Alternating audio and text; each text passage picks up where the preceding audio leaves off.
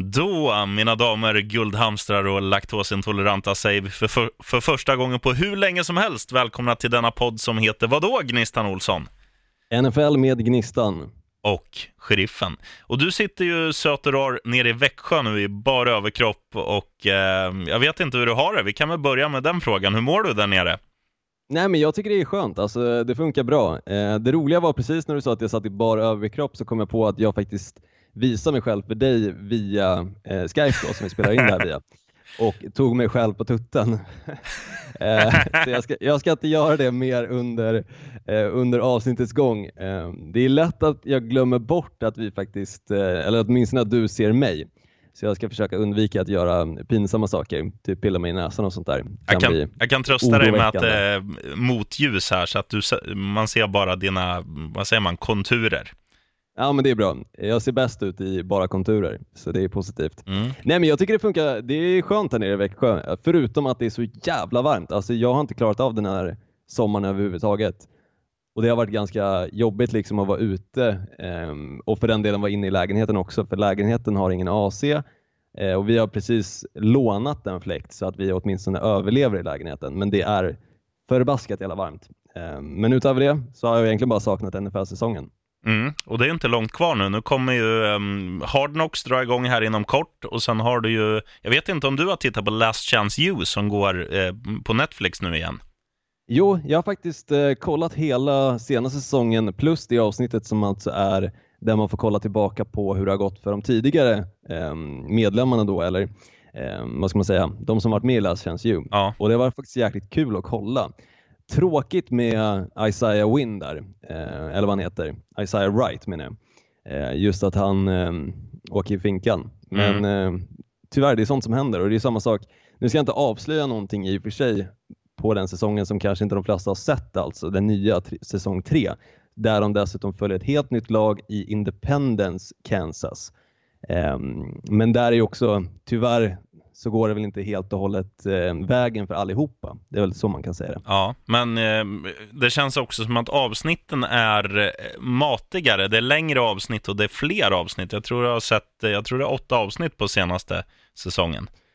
Ja, men det är det. Och det som är schysst också med senaste säsongen tycker jag är att de kan visa saker från matcherna redan i början av avsnittet istället för att som det har varit tidigare att matcherna kommer i slutet på avsnitten och under tiden så är det mest en uppbyggnad till själva matchen. Ja, nu, eh, så det tycker jag är jävligt skönt faktiskt att man får liksom se lite glimsar av liksom hur det ser ut i matchen och sen kanske de går in på någon specifik spelare under tiden och så kommer de tillbaka till matchen. Det blir lite bättre storytelling tycker jag. Ja, det är, det är mer levande för att det är ju inget avsnitt är ju det andra likt. Att ibland är det som du säger att de kan visa en, en matchsekvens och någon spelare gör något bra så får man liksom allt kött på benen kring den spelarens uppväxt. Det kanske blir en intervju med deras farmor eller vad som helst. Det är, ja, men det är jävligt, jävligt snyggt gjort. Så tips från coachen, Last Chance You på Netflix senaste säsongen. Riktigt bra eh, underhållning. Mm, det tycker jag verkligen. Och jävligt skönt att kolla också. Liksom, nu framförallt när det har varit så jävla varmt så är det ganska skönt att bara lägga sig i soffan och njuta och skita i solen. För att tids nog, alltså, man ledsnar. Det gör man faktiskt på att vara ute. Ja, jag sitter och längtar efter december. Jag sitter också, jag längtar åtminstone efter september, ska jag väl säga. Inte kanske december, men september när själva säsongen drar igång och det är faktiskt 35 dagar dit bara. Och jag reflekterade lite över det igår när jag skrev ner att det var 35 dagar till säsongen börjar. Att det är ungefär så länge jag har hållit mig borta från alkohol sedan jag fyllde 15 bast. Det är ganska sjukt. 35 dagar? 35 dagar. Sen du fyllde 15?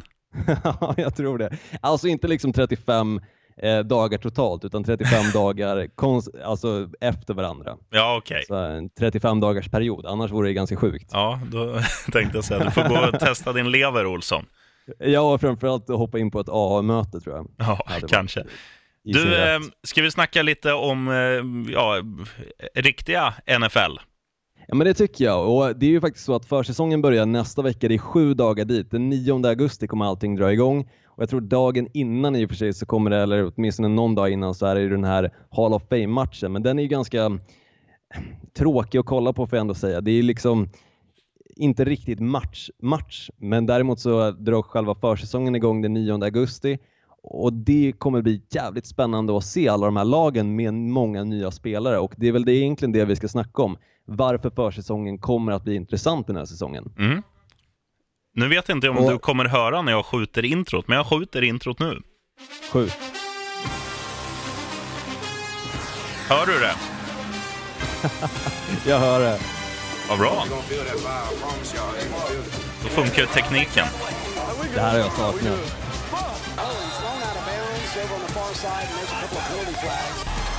Kan du gå in och sjunga här? Boom, here comes the boom, ready or not. Och då hörde alla som oh. lyssnar att det är en liten delay på kanske 0,2 sekunder eller dylikt. Men vi, vi gör vårt bästa för att ljudet ska låta så bra som möjligt och eh, försöker också fylla den här podden med, med skapligt innehåll. Självklart, och jag kan ju direkt gå in på lite händelser som har hänt då under off-season, nu precis innan säsongen har dragit igång, för det är ganska många som till exempel har signat snygga och framförallt jäkligt feta kontrakt. Och med snygga så säger jag just att om eh, någon kanske har fått ett kontrakt som en annan kanske förtjänar, men jag tycker det ändå är lite snyggt gjort. Okay. Eh, men jag kan gå in lite mer på det. I alla fall, Stefan Diggs, mannen känd för Minnesota Miracle menar jag såklart, har kritat på för fem år, värde 72 miljoner dollar med 40 av dem garanterade. Det tycker jag verkligen att han är värd också. För ja, att jag tycker med. Stefan Diggs förra säsongen var en briljant höjdpunkt i hela Minnesota Vikings anfall. Och utan honom så tror jag inte att de hade tagit sig så långt som de faktiskt gjorde. Ja, det var väl han och Thielen som, som var hela laget tillsammans med quarterbacken som, eh, ja, som gjorde sitt livssäsong. Ja, men precis. Och um, en annan lirare som jag också tycker kanske inte har fått liksom det eh, stjärnljuset som han förtjänar i Delaney Walker som faktiskt stannar två år till i Titans och i närheten av countryns mecka alltså och får njuta av 17 miljoner dollar för det. Jag tycker kanske att han är värd lite mer men samtidigt så är han rätt gammal och bara att han faktiskt stannar i Titans tycker jag känns jävligt roligt för att det är en sån spelare som man ändå njuter lite grann av att kolla på. Och apropå när vi ändå går in lite på Titans vi ska ju faktiskt sticka till London och kolla eh, Tennessee Titans mot Los Angeles Chargers, sheriffen. Mm, det är magiskt. Jag fick ju det i födelsedagspresent, tror jag i alla fall, av dig Gnistan ja, men det fick du. Jag var lite bladig ja, när jag tog det där samtalet, men eh, det, det tackar jag ödmjukast för. Det ska bli jävligt kul. Ja, men det kommer bli svinkul och det roligaste är egentligen med hela presentutdelningen. Jag skulle egentligen komma upp till Stockholm, men det sket sig i sista sekund och då skickade jag istället en liten sån här rebus till dig som du på fyllan försökte lista ut, vilket inte alls gick bra. Nej. Det var helt omöjligt för dig. Jag tror att du höll på från klockan 9 till klockan 12 och däremellan hörde jag att du låg däckad på toan två gånger, varav ena gången så hade du utan kläder. Ja, man måste ju bjuda på, bjuda på sin body vet du, när, när det är babes på festen. Ja, ja, framförallt när det är födelsedagsfest också.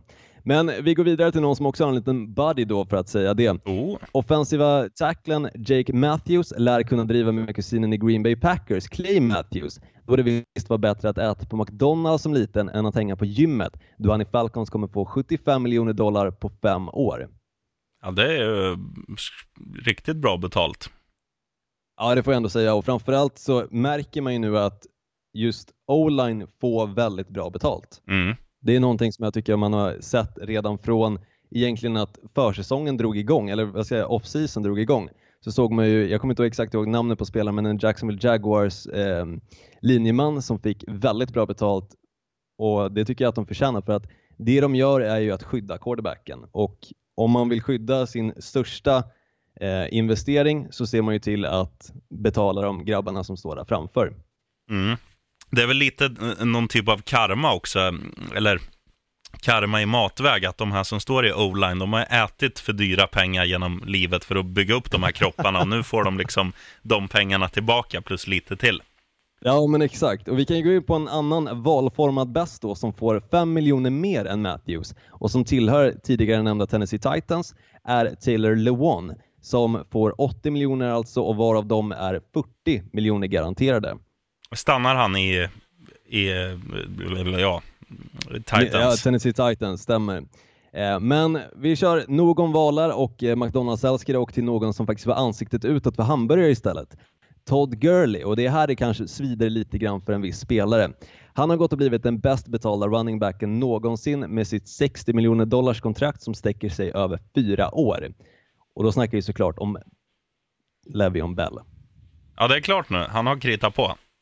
Levion Bell har inte kritat på, Todd Gurley har kritat på för 60 miljoner dollar och är alltså den bäst betalda running backen. Ja, ja, okej, okay, Medan Levion Bell sitter där och år efter år aldrig får betalt utan istället blir franchise-taggad. Ja, det var det jag tänkte på, att har han äntligen skrivit på ett långt kontrakt, men då, var det, då lurar du mig som med rebusen där, att det var, handlade om Gurley. Men eh, alltså det måste man ju säga om, om Todd Gurley, att är det någon som är värd pengar så är det ju han. Alltså han har ju Eh, han var inte bra sitt andra år, men eh, han kom in när han var rookie, han var bäst i ligan och i fjol var han eh, ja, det gick ju inte att stoppa honom och Rams offensiv var ju briljant fram tills ja, det tog slut i, i slutspelet. Men det känns ju som att de verkligen har eh, alltså framtidsutsikter att vara, kanske bli nya Patriots och vara en dynasti i ligan. För de har verkligen unga spelare på nyckelpositioner och eh, ja, det känns som att det är mycket som är på gång där. Ny arena eh, håller på att byggas i Inglewood som de ska dela med Chargers. Eh, ah, det kommer bli, Rams kommer bli nya Patriots. Ja, alltså det finns ju en stor sannolikhet att de kan bli det, men samtidigt så tror jag inte att man bygger en dynasti på de bästa spelarna från början, utan istället man bygger den från grunden och uppåt. Och jag tycker att Patriots gjorde ju det med att de hela tiden plockade in spelare som de såg till att bli Patriots-spelare. Här plockar istället till stor del Los Angeles Rams inspelare som har presterat i andra lag och visat sig vara jäkligt duktiga men de ska komma in i då den här fasen att bygga liksom hela Los Angeles Rams till en dynasti som du nämner. Jag vet inte om det är rätt sätt att göra det, ungefär på samma sätt som man såg tidigare i fotboll hur hela Real Madrid byggdes upp. På samma sätt så tycker jag att Los Angeles Rams håller på att bygga upp sig själva. Jo, visst, visst påminner det mer om den modellen, att man, man kanske värvar större namn än vad Patriots har gjort. Men skillnaden eh, med Rams tycker jag att de har ju många spelare som är i, i rätt ålder. För att under en NFL, en NFL-karriär kontra en vanlig fotbollskarriär är ju inte lika lång. För att det är mer skador, det är mer fysik och eh, lite sådär. Och jag tycker ju Rams, om man tittar på deras laguppställning, så är ju de tongivande spelarna i en bättre ålder än om man tittar på samma spelare i New England Patriots. Mm, absolut, jo men så är det ju, men samtidigt, jag vet inte, bara för att gå tillbaka lite grann på just hela grejen med Le'Veon Bell och om man jämför dem med Todd Gurley. Le'Veon Bell har ju ända sedan han kom in i ligan alltid varit en topp tre running back medan Todd Gurley såg vi ena året svackade väldigt mycket och de två, eller första året spelade väldigt bra, förra året lika bra så. Men han har ju ändå visat att han kan ju dala medan Le'Veon Bell hela tiden hållit sig på topp. Och då tänker jag, varför har inte Le'Veon Bell fått bättre betalt? Han kanske har sämre agent? Uppenbarligen. Todd Gurley är ju i och för sig hela Los Angeles just nu känns det som. att Han har ända sedan Los Angeles, eller ända sedan Rams kom från St. Louis då, har ju han varit ansiktet utåt för den franchisen. Mm. Och eh, det måste man ju säga också att hela, hela Rams hade ju en sophomore slump i samband med Gurleys dipp. Eh, och han, ja, och han hade ju inte lekkamraterna heller på. De har ju, de har ju, de har ju byggt upp sitt lag senaste året och, och Goff har kommit in och, och varit, eller blivit den stjärnan som de trodde när, när han draftades som, som first overall och, och så här. Så att det, det ser ut att gå åt rätt håll på många plan. Men vi får väl se. Vi, vi kommer väl göra någon, någon typ av eh, ranking på alla lagen och, och summera eh, precis som vanligt hur det kommer gå i diverse, eller alla divisioner och konferenser och sådär. Så att det kommer vi väl återkomma till. Men mer nyheter med Dr. Olsson. Ja, eh, defensive end Daniel Hunter har gjort ungefär som Johnny Cash i låten A Boy Named Sue. Om du inte har hört den, gör det och blivit tuffare. Alltså, då snackar jag om Daniel Hunter tack vare sitt flicknamn. Och dessutom fått bra betalt för det också. Hela 72 miljoner dollar varav 40 garanterade på fem års tid. Och jag måste ändå erkänna att jag hade också kunnat heta Daniel om du gav mig så mycket deg. Nej, bra. Och sen kan vi gå in på James Winston som är avstängd de tre första matcherna efter påstådda anklagelser om att han ska ha betett sig illa mot en Uber-chaufför 2016. Och nej, det var inte för att föraren hade en Prius. Det var dessutom en tjej. Så nu kommer Fitzpatrick till undsättning. Undra vart vi har sett det för. Ja, i Rams va? Nej, vad säger jag? I Jets menar jag. I Jets. Och det roliga är ju när Fitzpatrick kommer in som liksom the last guy standing. Det som liksom han, ska, han måste liksom axla rollen som hela lagets gudfar ungefär. Då brukar han spela bra. Mm. Och jag tror att han kommer göra det de här tre matcherna också. Jag tror dock inte att de kommer bänka James Winston för Ryan Fitzpatrick när det väl gäller. Nej. Utan så fort James kommer tillbaka så kommer han få spela såklart. Men fortfarande, Ryan Fitzpatrick spelar jäkligt bra när han har mycket press på sig och det har vi sett förr. Ja, man får ju hoppas för Tampas skull att han kan vinna i alla fall två av de där matcherna så att säsongen lever så det inte blir tre, tre raka torsk och sen kommer Winston tillbaka och, och har den pressen att okej, okay, du måste vinna 13 raka nu för att gå till slutspel mer eller mindre. Ja, och tyvärr så är det ju så också att just Tampa Bay Buccaneers kommer inte direkt från den bästa säsongen utan de hade en väldigt, väldigt dålig säsong förra året och det fanns ju stort hopp om att Tampa Bay Buccaneers skulle vara ett lag som faktiskt skulle kunna ta sig till slutspel men jag kommer inte ihåg om de landade på fyra vinster eller om det ens var tre vinster. Men det var ju åtminstone inte det som man hade förväntat sig. Och då känner jag att börja säsongen med tre första matcherna utan James Winston, sin starting quarterback, måste kännas jäkligt tungt för deras del. Mm. Ja, de var ju definitivt ett av, ett av flopplagen från, från i fjol. Definitivt.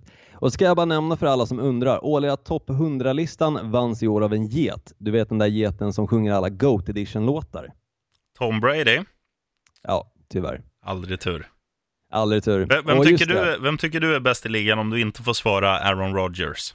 Oh, om jag inte får svara Aaron Rodgers så är det ju nog ändå Tom Brady jag måste säga. Tyvärr. Alltså, det känns jättetråkigt att säga, men han är ändå given spelare att klassas som the GOAT, tycker ja. jag. Ja, jag håller väl med dig där, men jag, eh, jag tror ju... Eh, jag ser ju lite i kristallkulan i år att, att eh, nu kommer folk ta sig förbi Tom Brady inför nästa år. Det tror jag också och jag vet redan att det är en hel del som förutspår att Green Bay Packers kommer ta sig till Super Bowl i år och om de tankarna kommer att stämma eller om den spåkule eller om den spådomen kommer att komma in, då blir jag jäkligt glad. Mm. Ja, då jag... vore jag jag tror ju att, att Green, Day blir, eh, Green Bay blir årets... Eh, Green Day. ja, men det, det, är så här. Jag skulle säga Green Bay blir årets Tampa Bay och då blev det Green Day för att man är så van att säga det när man, när man jobbar på radion. Eh, ja, men det är klart. Jag, jag tror att det blir en, en, en flopp där. Men eh, det behöver vi inte snacka om nu, utan det, det kan vi ta då. Men eh, ja. Eh, när vi ändå nämner New England Patriots, Eh, såg du det att Eric Decker, tidigare eh, Jets, som är en ganska underskattad wide receiver, är där, och, är där på någon slags tryout? Mm, och det känns ju ändå rätt intressant med tanke på att de släppte Danny Amendola och jag tycker ändå att Eric Decker och Danny Amendola påminner varandra väldigt mycket i deras spelstil. Mm. Och sen visst, båda är ju ganska korta vita snubbar eh, som är i sin 30-årsålder som ändå har lyckats hänga sig kvar i ligan så pass länge som de har gjort. Mm. Så det är kanske också lite därför de påminner sig om varandra.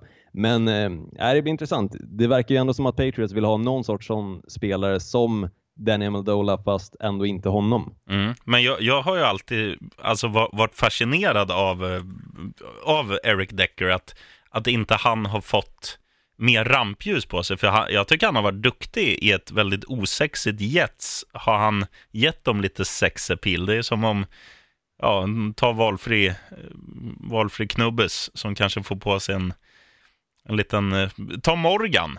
Ola-Conny Morgan, vad heter han? Ullareds ja. Morgan. Mm. Tänk dig han och sen går han och gör en tandblekning, får en rakning och en hårklippning. Det är liksom, det känns som att Eric Decker har varit där för New York Jets taffliga offensiv under de senaste åren. Jag förstår vad du menar, men samtidigt så har det alltid funnits någon i Jets som har varit bättre än honom. De senaste två åren så har det ju varit eh, Robbie Anderson till exempel, mm. som verkligen har kommit fram och blivit ett framtidsnamn. Och han tycker jag ska bli jäkligt intressant att se, men det har ju också gjort att Eric Decker har hamnat i, lite i skuggan, tyvärr. Ja, ja, men, men just att äh, jag tycker det är konstigt att han inte får mer rampljus. Jag, jag gillar honom. Och det, blir, det kan ju bli kanske årets fynd på transfermarknaden, för han, är inte, han kommer ju inte han kommer inte få några stora pengar om han signar. Han, han, går och gör en tryout med Patriots och, de, och han vet att okej, okay, spelar jag här så, så får jag chansen att vinna titlar och det är ju värt mycket liksom att, att skippa någon nolla i lönekuvertet. Ja, absolut. Och framförallt om man har spelat i Jets så pass länge som man ändå har gjort och aldrig lyckats ens ta sig till slutspel så är det klart att det vore kul att komma till ett lag som nästan varenda, ja, jag får väl ändå säga varenda år faktiskt tar sig dit ja. och nästan till varenda år tar sig till Super Bowl också. Så det är väl klart, hamnar man i Patriots så har man ju åtminstone en väldigt stor chans på att faktiskt få den där Super Bowl-ringen. Mm. Och det är väl det alla vill åt i slutändan. Även fast man kanske är trogen sitt lag så vill ju alla vinna i slutändan. Du, du snackade om den här topp 100-listan Olsson. Det finns ju en spelare i Atlanta Falcons som var mm. där uppe väldigt högt. Jag snackar inte om deras QB, utan jag snackar om deras nummer 11. Som också han har kritat på ett jävla fett kontrakt. Mm, ja, verkligen. Och Julia Jones är också en sån spelare som förtjänar det här kontraktet såklart, men om man blickar på säsongen han hade förra året så var den ju väldigt, väldigt snål på touchdowns. Ja. Det var nästan jag kommer inte ihåg hur många matcher krävdes innan han faktiskt gjorde en touchdown. Men det kändes Men... som att de gick från att vara en, alltså hela Atlanta Falcons, från att vara en offensiv maskin där de verkligen spred ut scoringen på, på Juller och Julio Jones, på, på vad heter han, Devonta Freeman med flera. Men nu var det, de gjorde väldigt lite poäng trots en väldigt bra offensiv. Så att jag, jag tror det bara var, eh, ja, ett sånt här skitår som, som de glömmer och sen kommer de tillbaka lika starka som de var när de var i Super Bowl för två säsonger sedan. Ja, jag tror också det och då hade de ju dessutom förra säsongen, om vi snackar om den, en ny offensiv koordinator vilket såklart påverkar hur laget spelar. Och det såg vi ju även förra året då att de spelade desto mer defensivt än de faktiskt spelade offensivt och de fick ju aldrig riktigt igång offensiven heller. Nej. Vilket ledde till att de inte riktigt gjorde massa poäng som vi var vana vid att se dem från året dessförinnan. Men jag tror definitivt, precis som du säger, att de har en stor chans att komma tillbaka till den formen de faktiskt var i. För nu har deras offensiv koordina offensiva koordinator faktiskt kommit in också i Atlanta Falcons som ett lag. Mm. Men med det sagt, Sheriffen, ska vi gå in på sju punkter som faktiskt kommer att göra den här försäsongen spännande att följa. Vill du ha ljudeffekter, bara att jag får göra sex och sju för att det inte finns? Ja, och då får du börja på sjuan såklart. Number seven, sju. Kommer det finnas ett lag som är lika desperata som en packad douchebag vid kvart i tre och faktiskt väljer att plocka upp Des Bryant från Free Agency-marknaden eller som vid det här laget mer kan liknas en småstadsmarknad som främst säljer Jack Daniels-linjen och vargtröjor. Du skulle ha sagt Desperat. Des Bryant. Nej, desperat. desperat. Ja, okej. Okay, Men det var bra tänkt. Ja, ja, Nummer sex.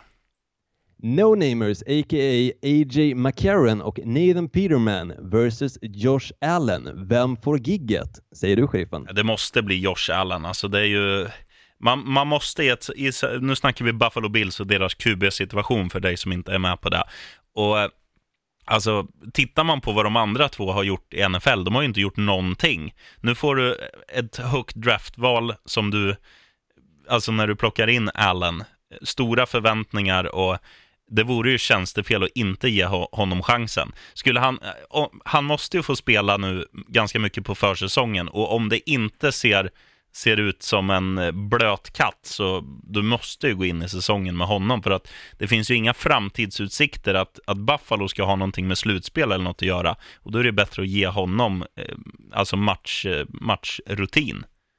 Ja, jag håller med dig verkligen där och även om man kan blicka lite på A.J. McCarron och säga att han har faktiskt varit backup quarterback i Cincinnati Bengals så finns det ju ändå mer att satsa på med Josh Allen i och med att det är ju ändå den spelaren de draftar för att vara deras framtida quarterback. Mm. För de släppte ju ändå, som vi alla vet, Tyrod Taylor. Mm. Och då gjorde de ju ett val där och då att vi kommer drafta en quarterback för att det är det vi vill satsa på i framtiden. Vi vill satsa på en spelare som vi verkligen tror på.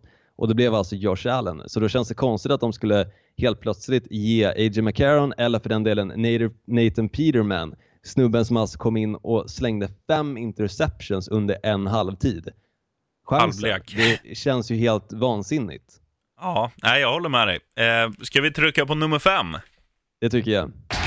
Fem. Sam Bradford eller Josh Rosen. Det sägs att fighten ska vara öppen. Och här är ju också lite samma sak, för det är ju väldigt många som nog du som lyssnar har koll på att lag som har nya quarterbacks hos sig. Och ett lag som jag inte kommer nämna under den här listan, men som jag ändå kan gå in lite snabbt på, Minnesota Vikings har ju också en ny quarterback. Men just den här situationen är ju då alltså Sam Bradford, tidigare Minnesota Vikings-spelaren och en helt ny rookie i Josh Rosen då som draftades 11 overall. Och tydligen så ska alltså fighten vara mer öppen än vad man kanske tror.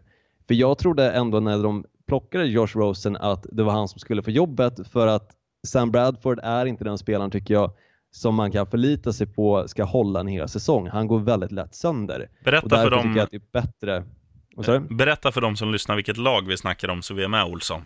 Ja, då snackar vi alltså om Arizona Cardinals och eh, jag var ju faktiskt och såg den matchen som blev den sista matchen med eh, Carson Palmer som quarterback i eh, Arizona Cardinals när de alltså spelar i London mot Los Angeles Rams. För då bröt han armen och efter det kom han aldrig tillbaka utan gick i pension istället.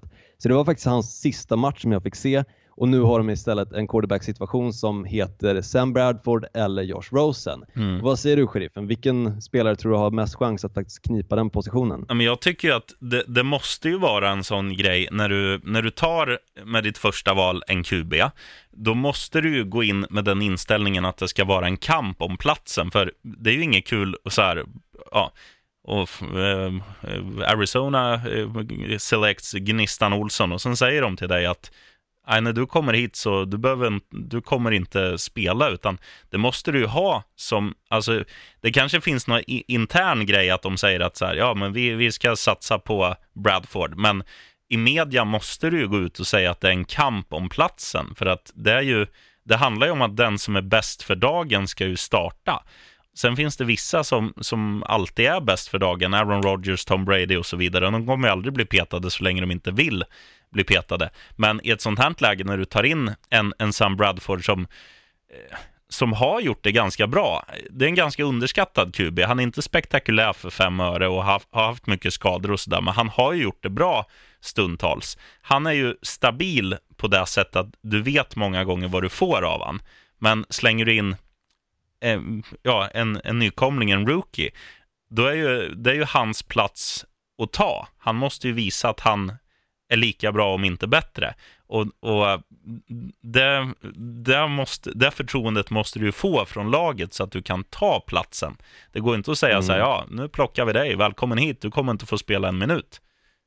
Nej, nej, så är det ju absolut och det är klart att fighten ska vara öppen. Jag tänker mer bara att Josh Rosen känns som framtiden i Arizona Cardinals. Ge honom chansen och låt Sam Bradford istället grooma honom. För Sam Bradford, som jag var inne på, håller inte en hel säsong. Visst, han gjorde det jättebra i Minnesota Vikings för två år sedan och såg till att de vann sex raka matcher, men sen förlorade de ganska många matcher därefter på grund av att Sam Bradford skadade sig.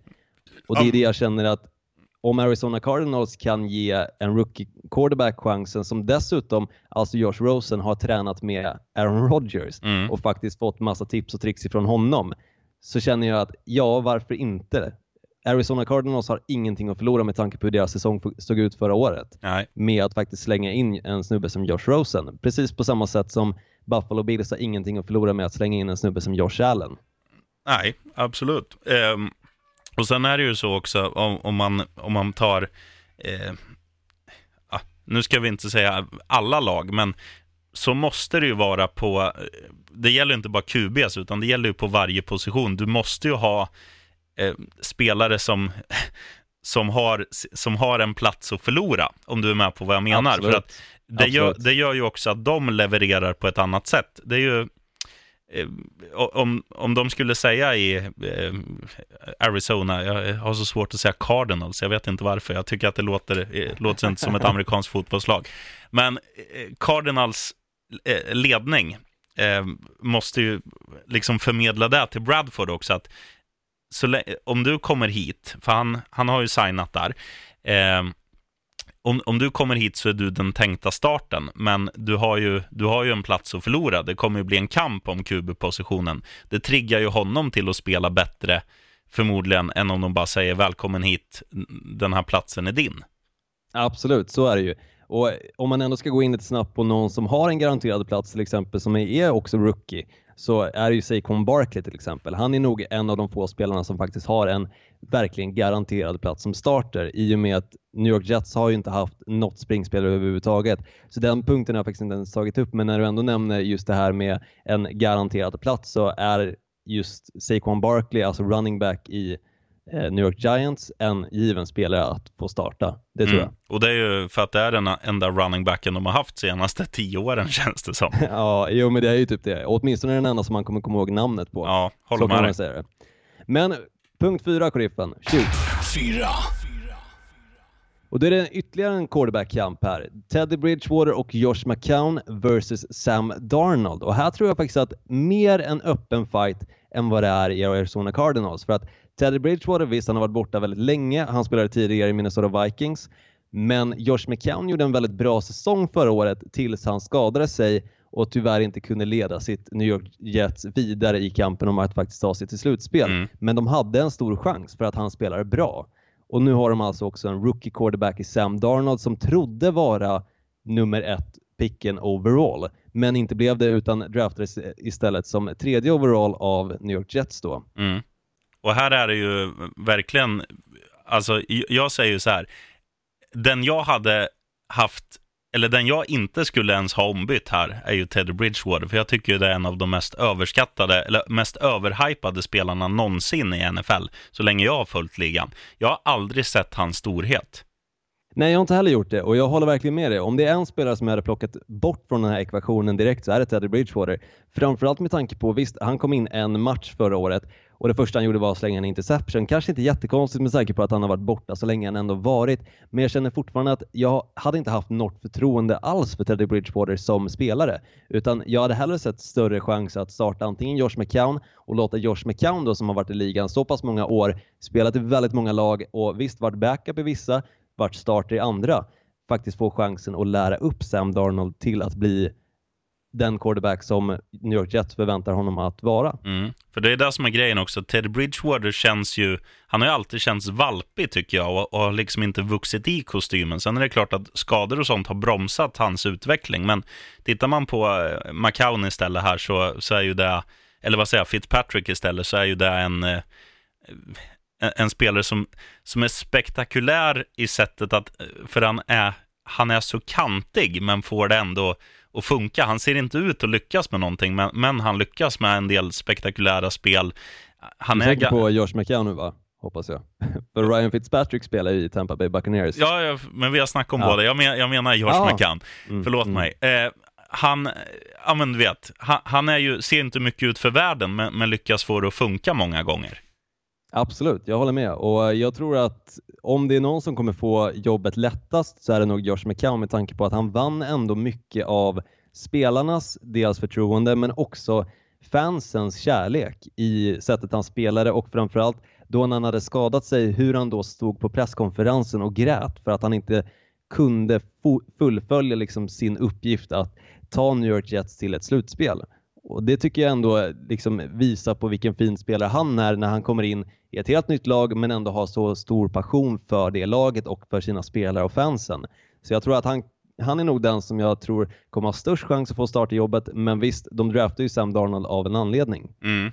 Sam Darnold har ju haft lite skadeproblem nu på, på slutet också och missat, eh, ja, vad läste jag, så här, en veckas träning eller någonting. Det är ju inte, det är fortfarande långt till säsong och, och det här är också, det, det blir ju ett, eh, ett, ja, ett slag om quarterback-positionen här också, en fight mellan de här tre.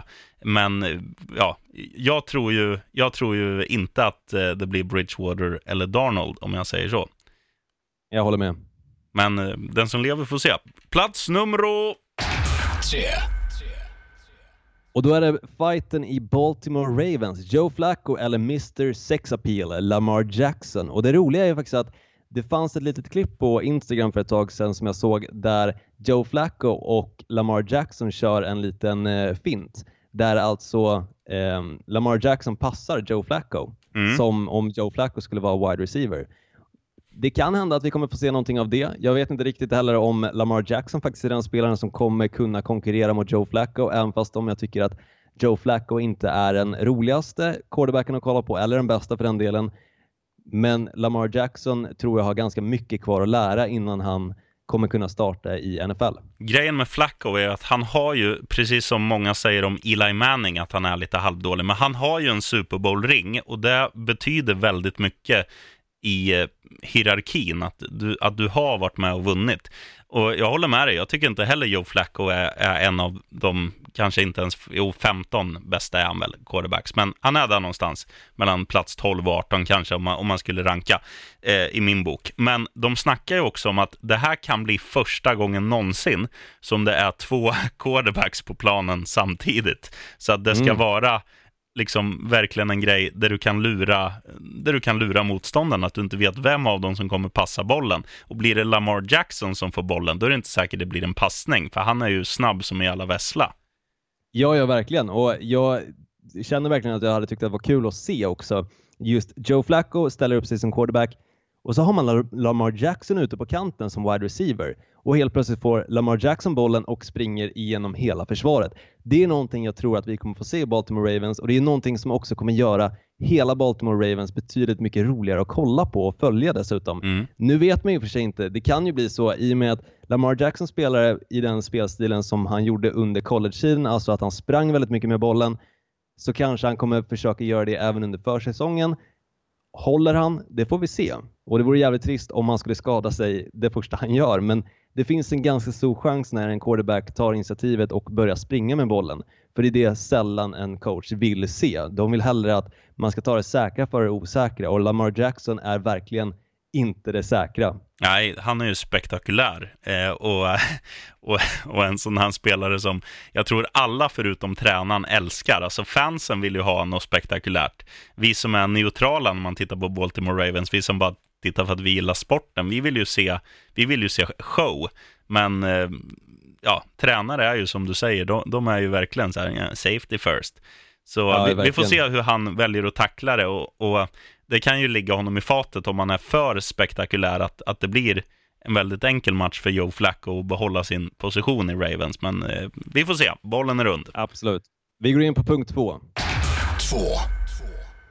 Och här är ju nog den fighten som är den mest intressanta att följa och det kommer vi dessutom att få göra i flera veckors tid under Hard Knocks-säsongen alltså, eller under Hard Knocks-serien. Och då pratar jag om Tyrod Taylor versus Baker Mayfield. Och det här känner jag ändå, fastän jag tycker att Tyrod Taylor borde vara den givna i och med att han har så pass mycket rutin, passar väldigt sällan interceptions, så tror jag ändå att fighten är väldigt öppen mellan Tyrod Taylor och Baker Mayfield, alltså i Cleveland Browns. Mm, och det, det, jag håller med dig, jag, jag, tror också den är vidöppen. Men det är också den här grejen att de har ju verkligen gått från att inte ha någon quarterback alls och egentligen det var väl lite hype när de hade Johnny Mansell, att han skulle, att han skulle bli the face of the franchise. Nu har de nu, nu tar de in Tyrod Taylor som är ganska ung, men som, också, som ändå har visat i Buffalo att han är en, en bra quarterback.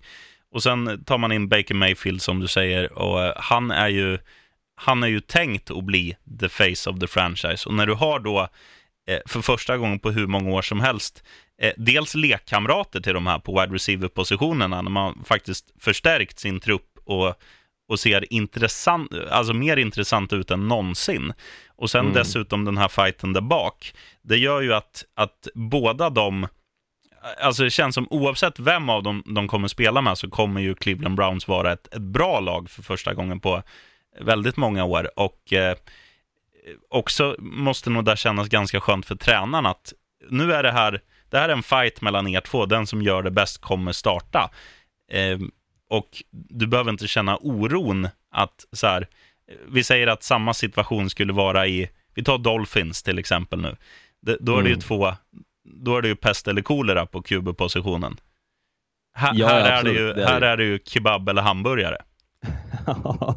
ja, men båda är ju positiva. Men ja. jag hoppas bara inte att det kommer bli, som du var lite inne på med Sam Bradford och Josh Rosen i Arizona Cardinals, att de väljer den som spelar bäst för dagen. För det var det vi fick se förra säsongen och det funkar inte alls egentligen på just quarterback-positionen att du ställer upp den spelare du tycker spelar bäst under träningsveckan, utan du måste spela en spelare och försöka hålla dig vid den spelaren under hela säsongen för att ge den här spelaren självförtroende. Så väljer de Tyrod Taylor så tycker jag att de måste hålla sig kvar vid Tyrod Taylor och inte börja liksom känna sig oroliga för att han kanske inte levererar på den nivån som de hade tänkt sig och då i så fall starta Baker Mayfield utan håll fast vid den quarterbacken de nu väl väljer. Mm. Och det hoppas jag att de har lärt sig av från tidigare år, Ja, vilket det- vi kommer få följa i Hard Knocks. Ja, och det, det kommer ju bli mycket lättare att göra det när du faktiskt kommer rada upp ett par vinster. För att det är, det är ju en sak och eh, det finns ju en klassisk sägning inom sport att man säger så här, man, man ändrar aldrig ett vinnande lag.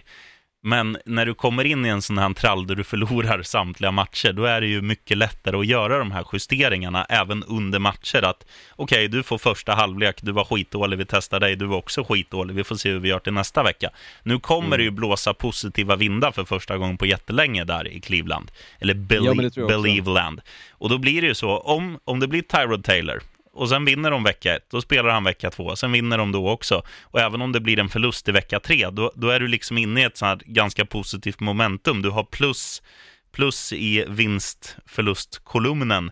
Eh, så att, ja, då kommer ju han få det fortsatta förtroendet så länge, så länge det inte, det kan ju bli vinster ändå, fast han spelar åt helvete. Det kanske blir running backen som, som, som gör det. Men, men du fattar vad jag menar, det kommer ju bli Absolut. svårare att, att ändra när du faktiskt tar ett par segrar. Ja, alltså har de vunnit två matcher så har de vunnit mer än vad de har vunnit på två års tid. Så Ja. det vore ju positivt bara sett så liksom Ja, för Cleveland Browns. Vilket är helt sjukt. Och då kan vi gå in på punkt ett tycker jag. mm, då ska du få en eh, punkt ljudeffekt. Och det absolut roligaste med hela försäsongen är ju ändå Hard Knocks i och med att de ändå följer Cleveland Browns. Och det kommer bli så jäkla intressant att få se det här laget up close. Alltså det kommer vara närbilder på de här spelarna som man hela tiden bara suttit garvat åt. Men för en gångs skull så kommer de att kännas sexiga och det kommer vara roligt att se också. Och jag är ändå så jäkla taggad så att det liksom ändå är på den nivån att tjejen hade kunnat komma hem och säga ikväll får du ta mig var du vill. På den nivån känns det som nu inför Hard Knocks. Vad hade du svarat på den då? Hade du sagt badrummet? Nej, jag tänkte mer liksom vilket hål. Jaha. Vad hade Ja. du sagt på den då? Nej, det behöver vi inte gå igenom. Nej, det Men, behöver inte gå in på. när, när har, jag, jag ser också jättemycket fram emot Hard Knocks, men jag har inte stenkoll på, även om vi, vi googlade det här för någon dag sedan. När, när var det premiär? Premiären för Hard Knocks kommer vara nästa vecka på tisdag, men jag tror inte att vi i Sverige kommer att kunna se Hard Knocks förrän på fredag nästa vecka. Och första avsnittet som nog de flesta har koll på, som har sett Hard Knocks tidigare, så kommer de gå in ganska mycket på det som hände under draften, vilket jag tycker kommer kännas roligt att se också, med tanke på att där var det ju väldigt många spelare de plockade på sig. De Mm. hade två val bara liksom mellan ett och fyra och sen hade de även ett val i, eh, direkt i andra rundan och sen tror jag att även tredje valet i andra rundan. Så det är li- liksom väldigt många spelare som har kommit till Cleveland Browns bara liksom av draften. Och Mm. Det ska bli jävligt kul att liksom se hur de jobbar in sig i den här truppen. Det känns ändå som att det jag har följt åtminstone på sociala medier har jag sett att Baker Mayfield hänger väldigt mycket med ehm, Jarvis Landry för den delen. Och eh, samma sak egentligen med Tyrod Taylor, Jarvis Landry samt eh, Josh Gordon. Och Alla vill liksom hänga med Jarvis Landry. Alla vill hänga med Jarvis Landry. Ja men bara om man nämner de här spelarna så liksom förstår man ändå vilket lag Cleveland Browns står med i år. Vilket de inte har gjort på, ja, sedan 80-talet. Vilket är sjukt att säga. Jag joggar Eskilstuna-Stockholm tur och retur om inte de vinner någon match i år. Alltså jag vet inte riktigt vad jag ska säga. Alltså jag, jag tror inte det kommer ske. Ah, så jag vet inte vad jag ska dra till med. Alltså, de kommer vinna matcher. Det är, det är bara så enkelt. Jag, jag säger så här. Jag säljer flickvännens bil. Eller du får flickvännens bil. Får jag? Nej, ja, du får den, sheriffen. Hur många hästar? Eh, det är 105. Oj, oj, oj, vilket jävla Wow. wack. Ja, jag tar den. Ja, jag vet. Ja, du får flickvännens bil. Om Cleveland Browns inte vinner någon match i år. Mm. Och sen blir jag smal Alltså, också då för att jag joggar. Perfekt. Exakt, men de, de kommer ju vinna matcher. Alltså, Ja. De ställer upp med ett så pass bra lag som de gör. Och liksom bara av att kolla på de senaste årens draft picks så känns det som att visst, de kanske där och då inte riktigt hade tankarna på framtiden, men nu när man blickar tillbaka så känns alla de valen som klockrena. Mm. Ja, men de har ju bunkrat med talang och, och det är ju så, alltså tittar man, på, tittar man på all amerikansk idrott, det går ju i cykler. De lagen som är dåliga, med tanke på det här systemet att de sämsta draftar först, så är ju det en väldigt smart väg att gå för att alla fans egentligen ska få uppleva både framgång och motgång. Sen finns det ju exempel då i båda eh, ändrar av spektrat där det inte har hänt. Patriots har varit bra hur länge som helst och Browns har varit dåliga hur länge som helst. Men den vågskålen är ju faktiskt lite på gång att tippa över. Absolut, det håller jag med om. Och det är det som är kul också med till exempel att Philadelphia Eagles faktiskt vann Super Bowl, för redan där såg man ju att den här vågskålen började tippa över mer och mer för att där kom det in ett lag som aldrig tidigare har vunnit Super Bowl och lyckas med det, vilket är ju jävligt roligt. Det hade ju varit på samma sätt som om Kroatien nu hade faktiskt vunnit VM-finalen så hade det varit ett helt nytt lag, vilket mm. gör att man börjar känna att saker och ting börjar förändras. Det börjar liksom skiftas vilka som är det bästa laget och vilka som kanske är de som man hela tiden tror kommer vinna alla matcher. Vilket gör den här säsongen till så jäkla rolig att det ändå är så många lag som man känner har varit så dåliga som faktiskt har en ganska stor chans i år. Mm. Och Cleveland Browns är ju definitivt det laget som har störst chans att vända en ond trend. Ja, och tittar man på de här lagen, du, du nämner Eagles där, jag, jag, skulle vilja slänga in Minnesota Vikings som också är ett lag som, som känns på gång. Eh, kanske inte att de ska vinna i år, men alltså, man tittar på deras fjolårssäsong, de, de överraskade positivt.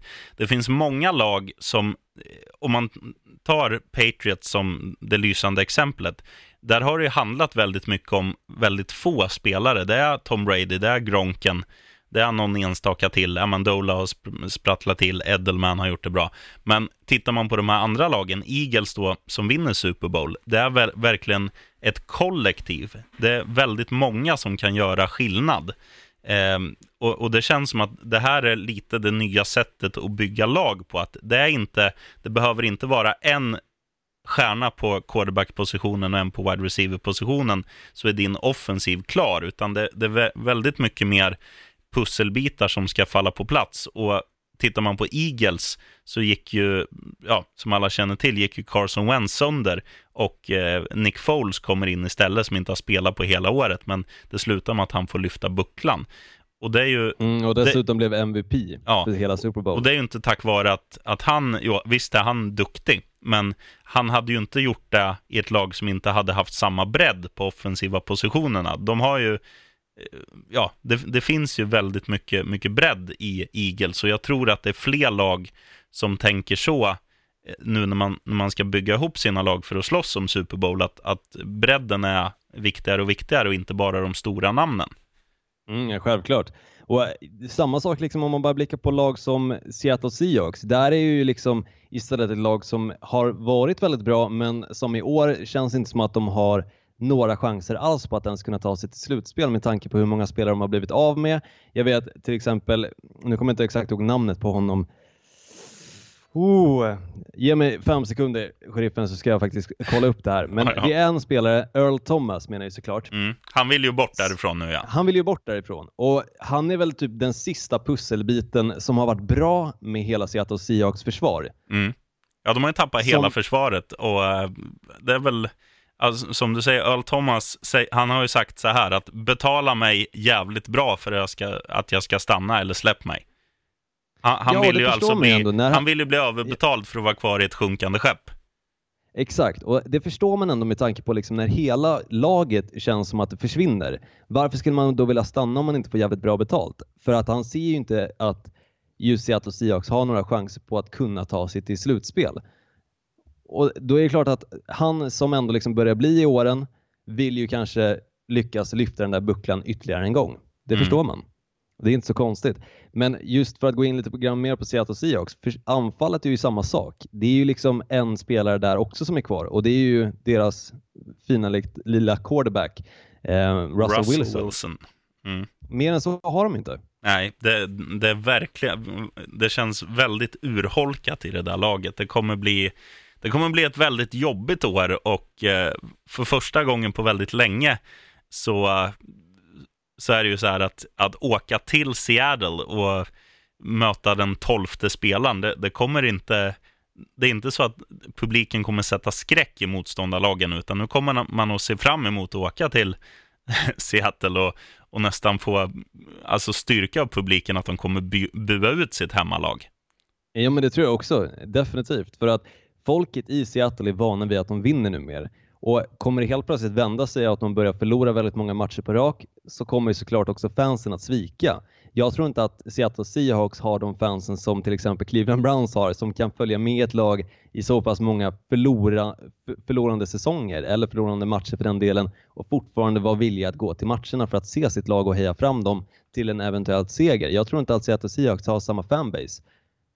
Utan ja. jag tror att de är mer vinnarskallar i Seattle än vad de kanske är just i Cleveland. Ja, jag, jag låter det vara osagt, men eh, för att eh, alltså det, det, finns ju det beror på, om man säger så här, Seattle, de har ju inte så mycket annat. De hade ett basketlag för många herrans år sedan, Seattle Supersonics, blev, blev sålda. Så att det finns ju, det är ju det att det, det finns inte så mycket annat att göra, så man, man, måste ju supporta sitt lokala lag. Men, men eh, det är också fans som jag tror kan kan ställa lite ultimatum mot eh, både ägare och, och, och, GM och sånt här, att man, fan nu får ni se till att ta er i kragen. Vi har haft ett, ett av NFLs bästa lag och nu är det på väg att bli ett av ligans sämsta. Så nu får ni mm. agera. Och det, ja, tror jag absolut, man kommer, det, det, tror jag man kommer göra på plats och inte via att, att inte komma på matcherna. Men jag tror att det kan bli mm. lite burop när man, när man nollar hemma mot Cleveland Browns exempelvis. Ja men verkligen, men dock så ska vi ändå såklart inte bara lyfta upp det negativa med Seattle Seahawks utan de har ju faktiskt Shaquem Griffin, vilket kommer vara en väldigt rolig person att följa under den här säsongen och få se hur mycket han faktiskt kommer att få spela och se vilken skillnad han kommer göra också. Han är ju alltså den första spelaren någonsin som kommer in med en hand. Mm. Vilket känns jävligt coolt. Alltså det, det är ju liksom revolutionerande säsong bara av att se den spelaren på planen i ett NFL-lag. Ja, det blir NFL-svar på Håkan Söderstjärna, gammal eh, vänsterbreddare i Landskrona Boys. Då snackar vi fotboll, han hade bara en arm. Jo, men i fotboll är det skillnad att ha en arm än i amerikansk fotboll att ha en arm. Ja, det är lättare att dra på sig, eller svårare att dra på sig straffar eh, tack vare hans. ja, där, där fick du faktiskt till det, 1-0 till mig. Ja, verkligen. Nej, men det är väl typ det egentligen som är försäsongen, det som jag ser fram emot tycker jag. Mm. Och sen nästa vecka så kommer du och jag gå in lite grann mer på ja, men till exempel lag, hur de kommer att prestera. Jag tror vi kommer kanske börja med eh, någon division och så går vi vidare under hela försäsongen väl till säsongen drar igång. Jag har en idé. Låt höra. Vi gör så här. Vi går igenom vårt idéspånande. Vi kör en, en division nu per vecka.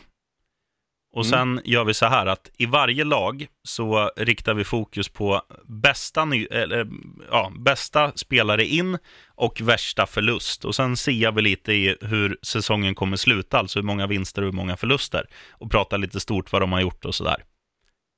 Får jag slänga in en liten eh, ja, vad ska man säga? Brasklapp. Sy synpunkt på det här. Mm. Vi tar två divisioner med tanke på att det är ju åtta divisioner och det är bara fyra veckor kvar till säsongen väl börjar. Vi tar två divisioner, Olsson. Två divisioner. Bra. Bra. Vi klubbar det. Vi klubbar det. Ja. Och eh, så får vi väl ändå säga att det är jävligt skönt att vara tillbaka. Håller med dig. Jävligt skönt att vara tillbaka. Och äh, framförallt att det är 35 dagar kvar alltså till säsongen börjar. Underbart mm. säger jag. Ja, eh, alltså uppehållet är ju extremt långt. Nu, nu är jag glad, för jag gillar ju annan sport också. Nu fotbolls-VM har man ju kunnat sitta i soffan och mysigt te. Men eh, det ska bli jävligt nice att, att se, parkera arslet hela söndagarna i soffan och bara mysa. Ja, verkligen. Och sen får jag ju i och för sig också, jag, må, jag får inte glömma att gratta mitt gamla amerikanska fotbollslag, alltså Stockholm Mean Machines, för att de vann SM-guld. Vill du göra dem en fanfar? Fanfar. Och våran hjälte Emil Knutsson, han blev väl MVP också va? Ja, eller han blev åtminstone vad heter det, årets running back blev han. Ja. Eh, jag tror inte han blev MVP för själva eh, SM-finalen, men han blev ju alltså den bästa running backen under hela säsongen och det förtjänar han verkligen för att han har verkligen levererat och med det så sa han ju faktiskt också att han eventuellt skulle lägga skorna på hyllan för att avsluta på topp. Och mm. i och för sig också för att han har ganska mycket skador och varit rätt skadedrabbad de senaste åren. Ja, men den där kroppen, vet du, knäna måste ju verka.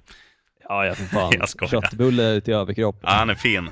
Knutsson. ja, han är fin. Vi får se om han kommer. Nej, han kanske kan gästa någon gång. Sitta här med mig i studion och prata med dig på länk. Ja, men det tycker jag verkligen. Eh, nu framförallt när så fin som du och Richie var och jag fick ju faktiskt den här poddutrustningen som jag sitter med av er två. Eh, vilket gör det möjligt att ljudet blir betydligt mycket bättre och vi kan se till att leverera fortfarande bra kvalitet till mm. er som lyssnar. Ja, Jävligt stort tack sheriffen. Ja, vet du. Vi, vi hoppas det låter bra i alla fall. Ja, men det hoppas vi. Men det tror jag, jag, jag tror det låter bra. Jag med. Om, om inte får, får vi göra om de här 55 minuterna imorgon. Men eh, Olsson, ska vi runda av där och, och säga på återhörande om en vecka? Ja, men det tycker jag.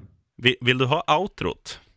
Ja, men man måste ju alltid köra outro, sheriffen. Nej, det måste man inte. Men, men vi, jag fixar det för din skull. Och sen blir det också så här nu att det kommer bli jag som lägger ut det här avsnittet. Jag är väldigt eh, anti allt med teknik och, och arbete och sånt här. Vet du. Så att, nu ska det bli spännande om det här avsnittet ens kommer ut på världens ja. vida webb. Men det märker vi. Hör du det här nu så har det ju kommit ut och då har jag gjort ett ja, ja. hästjobb. Mm.